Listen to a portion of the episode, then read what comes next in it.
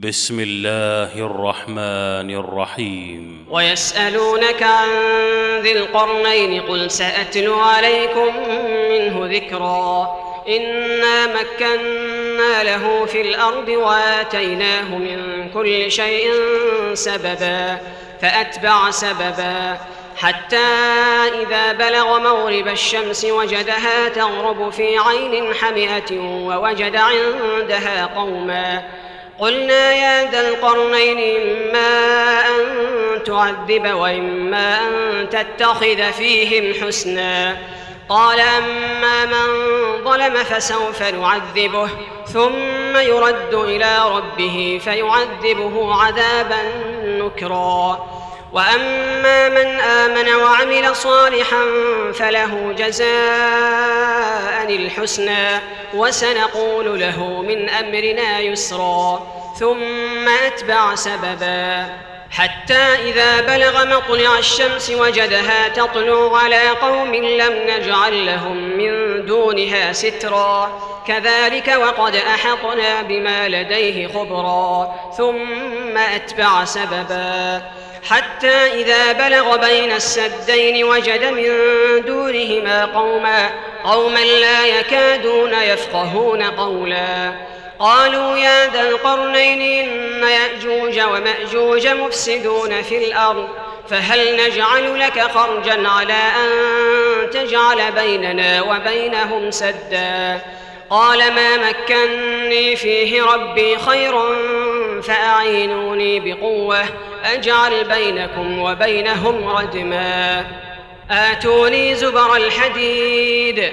حتى إذا ساوى بين الصدفين قال انفخوا. حتى إذا جعله نارا قال آتوني يفرغ عليه قطرا. فما استطاعوا أن يظهروه وما استطاعوا له نقبا.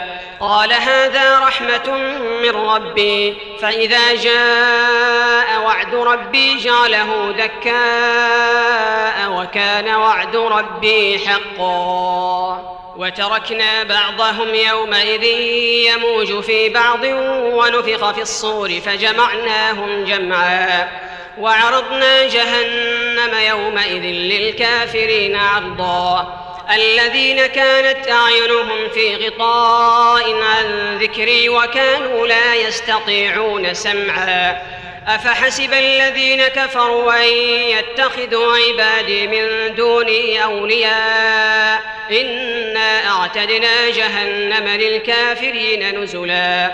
قل هل ننبئكم بالأخسرين أعمالا الذين ضل سعيهم في الحياة الدنيا وهم يحسبون أنهم يحسنون صنعا. أولئك الذين كفروا بآيات ربهم ولقائه فحبطت أعمالهم فلا نقيم لهم يوم القيامة وزنا. ذلك جزاؤهم جهنم بما كفروا واتخذوا آياتي ورسلي هزوا. إن الذين آمنوا وعملوا الصالحات كانت لهم جنات الفردوس نزلا. خالدين فيها لا يبغون عنها حولا. قل لو كان البحر مدادا لكلمات ربي لنفد البحر. لنفد البحر قبل أن تنفد كلمات ربي ولو جئنا بمثله مددا. قل إنما أنا بشر مثلكم يوحى إلي يوحى إلي أنما إلهكم إله واحد. فمن كان يرجو لقاء ربه فليعمل عملا صالحا فليعمل عملا صالحا ولا يشرك بعبادة ربه أحدا. الله الله أكبر.